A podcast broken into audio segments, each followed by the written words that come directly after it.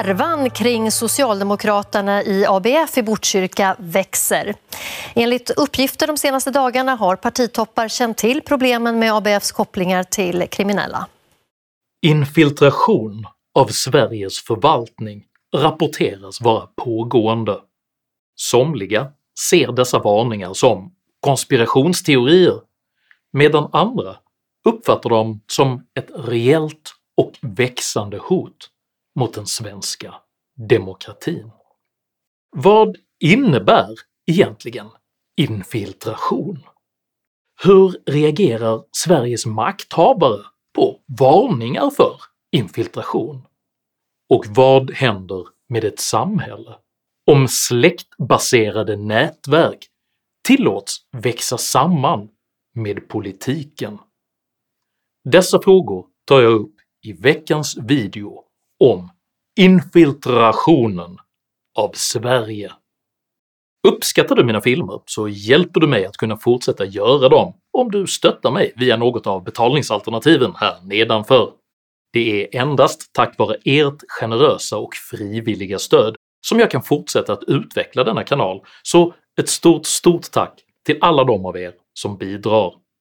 Idag talar jag om ideologi, inflytande infiltration. Häng med!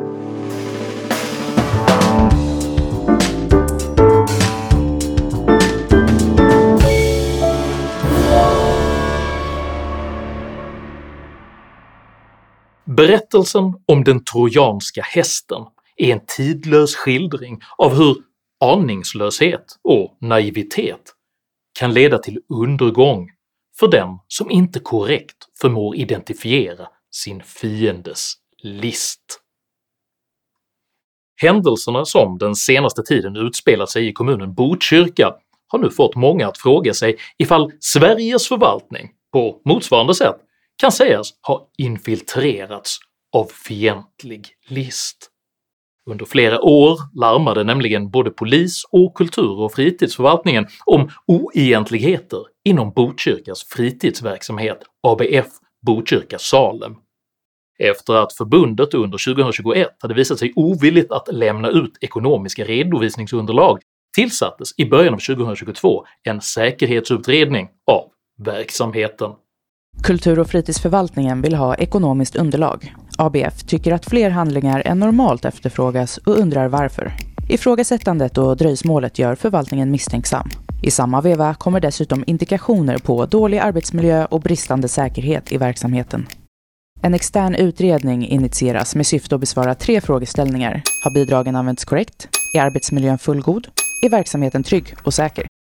Utredarna larmade omgående kommunen om att verksamheten ansattes av ett stort antal allvarliga brister, vilka i rapporten summerades enligt följande digra lista.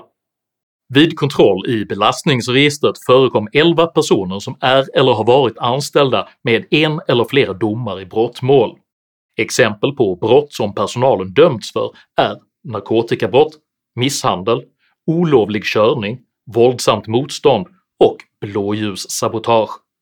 Lokalpolisen har vid flera tillfällen lyft problematiken med olämpliga anställda till ABF Botkyrka Salem, bland annat har den person som dömts för sexualbrott lyft som ett exempel då personen är välkänd som en del av den lokala problembilden i Alby. Trots att problematiken har lyfts vid flera tillfällen har ingen förändring skett. När kultur och fritidsförvaltningen meddelade ABF Botkyrka Salem om att de fått uppgifter som indikerade att en av deras anställda var misstänkt för brott och skulle ha kopplingar till kriminella nätverk hänvisade ABF Botkyrka Salem till att man tidigare gjort en kontroll i form av ett belastningsregisterutdrag och då förekom inte personen. Personen dömdes strax därefter för köp av sexuell tjänst, men förekom redan innan med domar för narkotikabrott och våldsamt motstånd. Den person som dömts för bland annat köp av sexuell tjänst har en nära personlig koppling till en av de ledande personerna på ABF Botkyrka Salem. Mycket talar för att rekrytering till verksamheten inte sker enbart grundat på kompetens, utan att även personliga relationer till ledande personer inom ABF Botkyrka Salem har betydelse. Vid den senaste omorganisationen tillkom nya tjänster i form av verksamhetsledare. Dessa tjänster tillsattes av personer som inte har relevant utbildning för tjänsten. En av dem som fick en sådan tjänst är släkt med en ledande person inom ABF Botkyrka Salem och de två övriga har enligt uppgifter från flera personer en vänskapsrelation till samma person. De som påverkades av omorganisationen upplevde att det lokala fackliga ombudet inte beaktade medlemmarnas intressen. Uppgifter har framkommit om att det lokala fackliga ombudet är god vän med en av de ledande personerna inom ABF Botkyrka Salem. Flera incidenter som varken polisanmälts eller rapporterats till kommunen varav en allvarlig incident där en anställd på en fritidsgård blev uppsökt på sin arbetsplats och misshandlad inne på fritidsgården. Problematik med att äldre personer med en kriminell livsstil tillåts vistas inne i verksamhetslokalerna, personer med skyddsväst som tillåts vara inne i verksamhetslokalerna, olovligt nyttjande av de bidrag som tilldelas ABF Botkyrka Salem för drift av öppen fritidsverksamhet, bland annat inköp av dyra julklappar och andra dyra personalrelaterade inköp. ABF Botkyrka Salem har ifrågasatt kultur och fritidsförvaltningens rätt att ta del av de ekonomiska underlag som de ansett nödvändiga för fullgod ekonomisk uppföljning. ABF Botkyrka Salem höll inne med underlaget fram tills att det begärdes ut av 2Secure inom ramen för utredningen. Allt detta tyder på att ABF Botkyrka Salem uppsåtligen har ägnat sig åt systematisk brottslighet med skattemedel och dessutom har fungerat som stödverksamhet för organiserad brottslighet.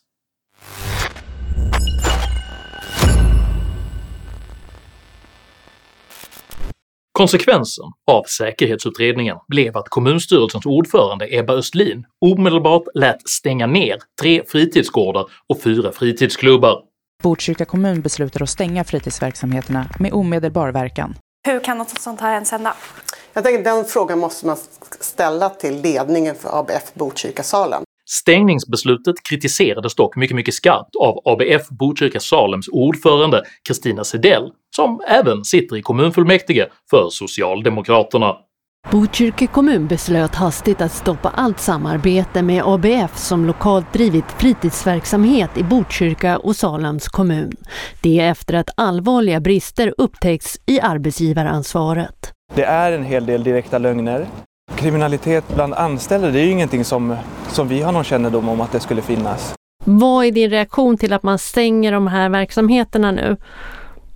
Att ta till en sån drastisk åtgärd som att stänga eh, våra fritidsgårdar på det sättet som man gjorde i fredags är under all kritik i hanteringen. Det har inte funnits någon dialog, man har inte talat om vad det handlar om, vad det gäller. Vi har inte kunnat bemöta någonting.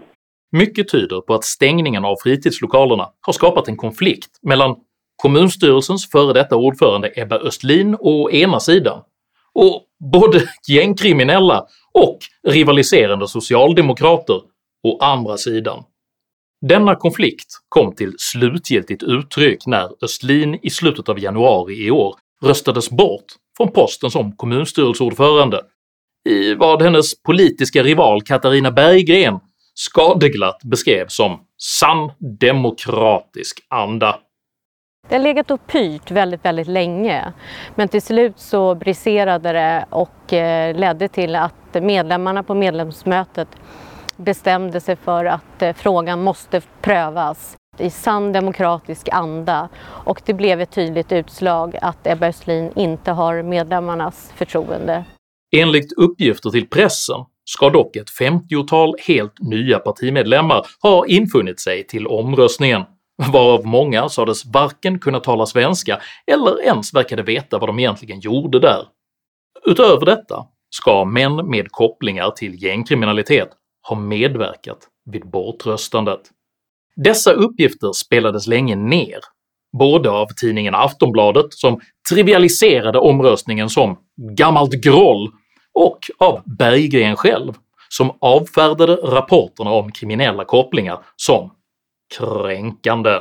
Det har ju beskrivits som en kupp. Delar du den bilden?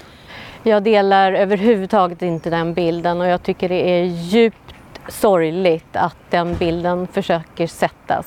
Andra medier har även rapporterat om att personer med kopplingar till gängkriminalitet skulle ha varit på plats vid mötet. Jag tycker det är väldigt allvarliga anklagelser och jag tror vi är ganska många som känner oss väldigt kränkta över att måla upp det så svepande.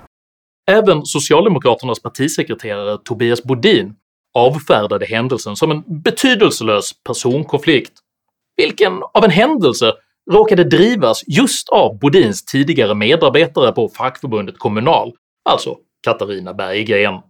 Men det som har hänt i Botkyrka nu, det är en personkonflikt. Det handlar om ledarskapet för just Ebba Östlin som nu har eh, prövats. Och då finns det såklart olika sidor på det myntet. En del säger då att det beror på att hon var kommunstyrelseordförande när de här fritidsgårdarna stängdes, medan många andra säger att det handlar om hennes ledarskap.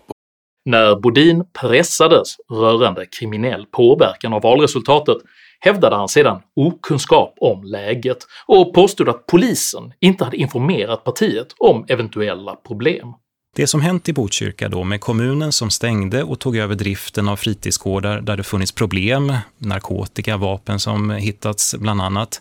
Det här ledde till ett missnöje och det ledde till avgångskrav på Ebba Östlin lokalt där och nu har hon röstats bort. Ser du några problem med det här? Polisen ger inte de här uppgifterna så gott bekräfta, än så länge i vart fall. Och klart att det här är ju anmärkningsvärt att det finns poliskällor som också går till media då, men inte går till vårt parti. Och när vi vänder oss till media för att säga, men nu får du berätta då eh, om, om det här stämmer så får vi inte ut sådana uppgifter från polisen. En vecka senare framkommer dock uppgifter som visar att hela den socialdemokratiska ledningen sedan länge informerats om gängproblematiken av biträdande partisekreterare Nils Wikmång. SVT har nu tagit del av en rad skärmdumpar som visar att S biträdande partisekreterare Nils Wikmång i november blev informerad om kopplingar mellan Vårbynätverket och ABF. Och enligt Expressen ska han ha informerat övriga partitoppen inom S om gängkopplingar. Trots det sa partisekreterare Tobias Baudin så här till SVT i fredags. Ja, det som har hänt det var att igår torsdags, fem dagar efter mötet avslutades, så kom det in ett tips om en person som man menar på skulle ha gängkriminella kopplingar. Och nu har vi någonting att ta på. Och nu pågår ju ett arbete i arbetarkommun och i distriktet just för att gå till botten med det här. Samtidigt ska Jens Sjöström, ordförande för Socialdemokraterna i Botkyrka, ha upplysts av partikollegor om kopplingar till gängkriminalitet långt tidigare, då han också förnekat att han haft kännedom om gängkopplingar. Denne Jens Sjöström är alltså ordförande för Socialdemokraterna i Botkyrka, har tidigare varit parhäst till Katarina Berggren och fungerar även som regionstyrelseordförande Aida Hadzialic högra hand i regionen. Bodin ändrar efter detta tonläget drastiskt och menar i Sveriges Televisions Aktuellt att man i ljuset av påstått nyinkomna uppgifter nu ämnar gå till botten med ärendet. För i intervjuer förra veckan så sa du att ni hade skickat någon slags kontrollanter mm. och att det allt verkade gått rätt till och det fanns ingen anledning till oro och kom med tips om ni vill. Och sen kom de här då uppgifterna att det ska vara många gängkriminella och då uppmanar vi folk att komma in med tips till oss. Så ett tips har vi fått om det, det går vi vidare med. Men vi, vi nöjer oss inte med, vi ska gå till botten med det här och distriktet och arbetarkommunen jobbar just nu med det här för vi måste veta mer vad som har hänt och finns det någonting mm. som inte ska finnas i vårt parti, då ska vi såklart gå vidare och ta tag i det också. Partisekreteraren uttrycker sedan ovilja att dela med sig av partiets information till externa parter under förevändningen att de själva nu ämnar gå igenom sina medlemslistor. Ni har ju varit rätt hemliga med de här röstlängderna. Ni har inte, journalister har velat få ut dem. De journalister som hade kunnat ganska snabbt ta reda på vad finns det för kopplingar, finns det folk som är släkt till kriminella som är där och så vidare. Men de har ni hållit rätt nära. Varför ja. det? Varför får inte journalister Vi lämnar ut medlemslistor till, till höger och vänster såklart, men vi kommer gå igenom det där igen. Åsa Westlund som är gift med Aftonbladets politiska chefredaktör Anders Lindberg och är ordförande i S-styrelsen för länets socialdemokrater där Aida Hadzialic är vice ordförande, fastslår nu att Socialdemokraterna har granskat Socialdemokraterna och att Socialdemokraterna har kommit fram till att Socialdemokraterna inte har gjort något fel alls. Av integritetsskäl vill man dock varken kommentera det uteslutningsärende man inlett eller den ospecificerade grupp människor som man granskat. Jag har inte hittat några eh, belägg eller ens indikationer på att eh, Socialdemokraterna i Botkyrka skulle vara infiltrerade eller på något sätt övertagna av gängkriminella. I det här arbetet så har vi ju såklart tittat ändå lite närmare på några personer. Ja, vi bedömde inte att vi behövde gå vidare med dem. Och du kan inte säga någonting om varför? Nej, alltså, jag tänker att eh, vi har ett stort ansvar som eh, Sveriges största parti att värna våra medlemmars personliga integritet också. I nästa andetag fastslår Aftonbladets Lena Melin att ingen kriminell infiltration förekommit och att allt bara handlat om en jobbig person. Enligt socialdemokraternas egen utredning så drar man dessa slutsatser på grund av att de regler och stadgar som finns följdes på mötet och att mötet gick ordnat till, samt att släktskap med någon inte kan vara uteslutningsgrundande. Säger dessa slutsatser någonting om infiltration, så är det att infiltration måste tolereras så länge reglerna följs. Och så länge det gagnar toppolitikernas egna maktambitioner.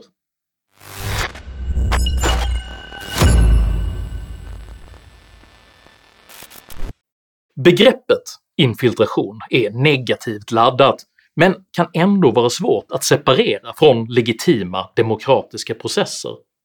I en demokrati är det nämligen nödvändigt att alla människor äger rätten att engagera sig politiskt, även om de tillhör en åsiktsfalang som man själv inte håller med. Oron som somliga nu uttrycker är att släktbaserade nätverk engagerar sig politiskt för att stärka släktens makt snarare än för Sveriges bästa.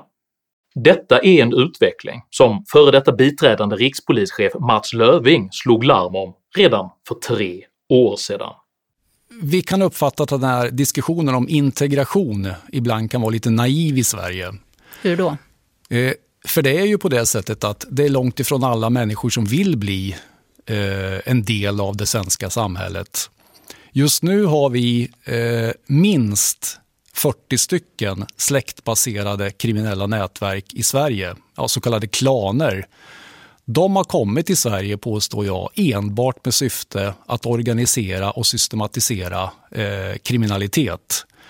De arbetar med att skapa makt, de har stor våldskapacitet, de vill tjäna pengar. Och det gör man på narkotikabrott, våldsbrott, utpressning.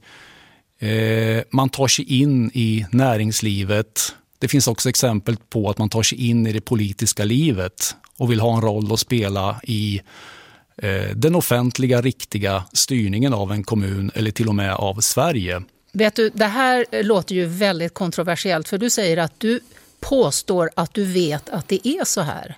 Men många skulle säkert säga att det är sociala omständigheter, fattigdom, boendeförhållanden, dålig skolgång och allt sånt där. Att det är det som förklarar att man hamnar i brottslighet. Men du säger att de kommer hit med en plan hur, vet du det?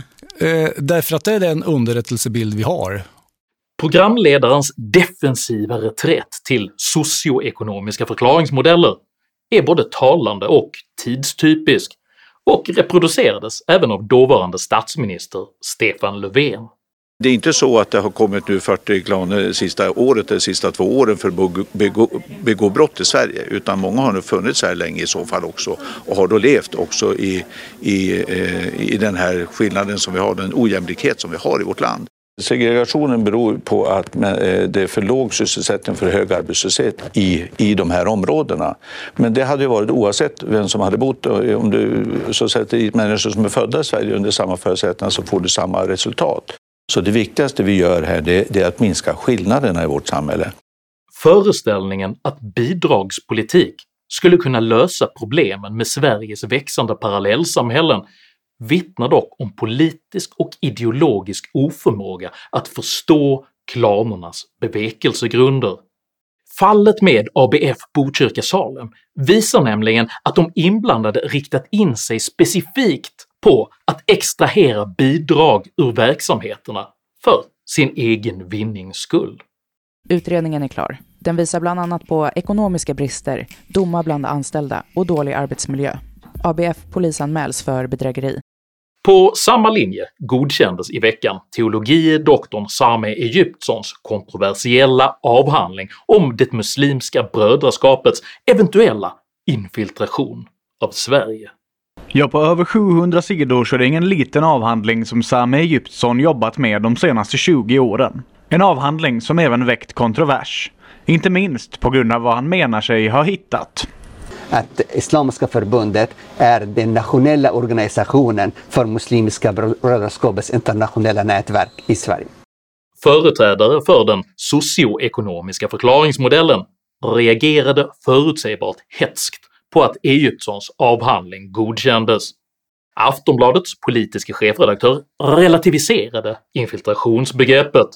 Skribenten Bilan Osman underkände hela betygsnämnden som konspirationsteoretiker och avfärdade den 740 sidor långa avhandlingen som ett haveri. Socialdemokraten Anna Ardin anklagade Egyptson för att sprida propaganda. Den före detta Sveriges Radio-medarbetaren Gösta Hultén såg det som politisk rasism att avhandlingen överhuvudtaget uppmärksammades och lokaltidningen Sydsvenskans förment liberala opinionsskribent Moa Berglöf menade att Egyptson inte ens borde ha släppts fram. Dessa försvarsreaktioner är förutsägbara, för den svenska vänsterns ideologi är helt oförberedd på att just de projekt man betraktar som inkluderande, toleranta och godhjärtade integrationsåtgärder mycket väl kan vara exakt den ekonomiska hävstång som i själva verket stärker parallellsamhällena, de släktbaserade strukturerna och den organiserade brottsligheten. Och vi vet att den grova organiserade brottsligheten hela tiden infiltrerar och försöker infiltrera myndigheter, organisationer, företag, partier, kommuner av olika skäl. Ett syfte kan vara att man vill försöka påverka politiska beslut. Ett annat att tillskansa sig pengar, till exempel genom välfärdsbedrägerier och välfärdsbrottslighet. Och där säger polisen att intäkterna till organiserad brottslighet från den delen är större numera än från knarkhandeln. Infiltrationsförsöken är dock inte isolerade till vänstern. 2013 genomförde till exempel en syrisk-ortodox klan i Botkyrka ett maktövertagande där Moderaternas oppositionsråd Jimmy Baker ersattes med den syrisk-ortodoxa ledaren Edip Noyan. Kuppen genomfördes genom att 150 klanmedlemmar kördes till Botkyrka-moderaternas årsmöte i förhyrda bussar.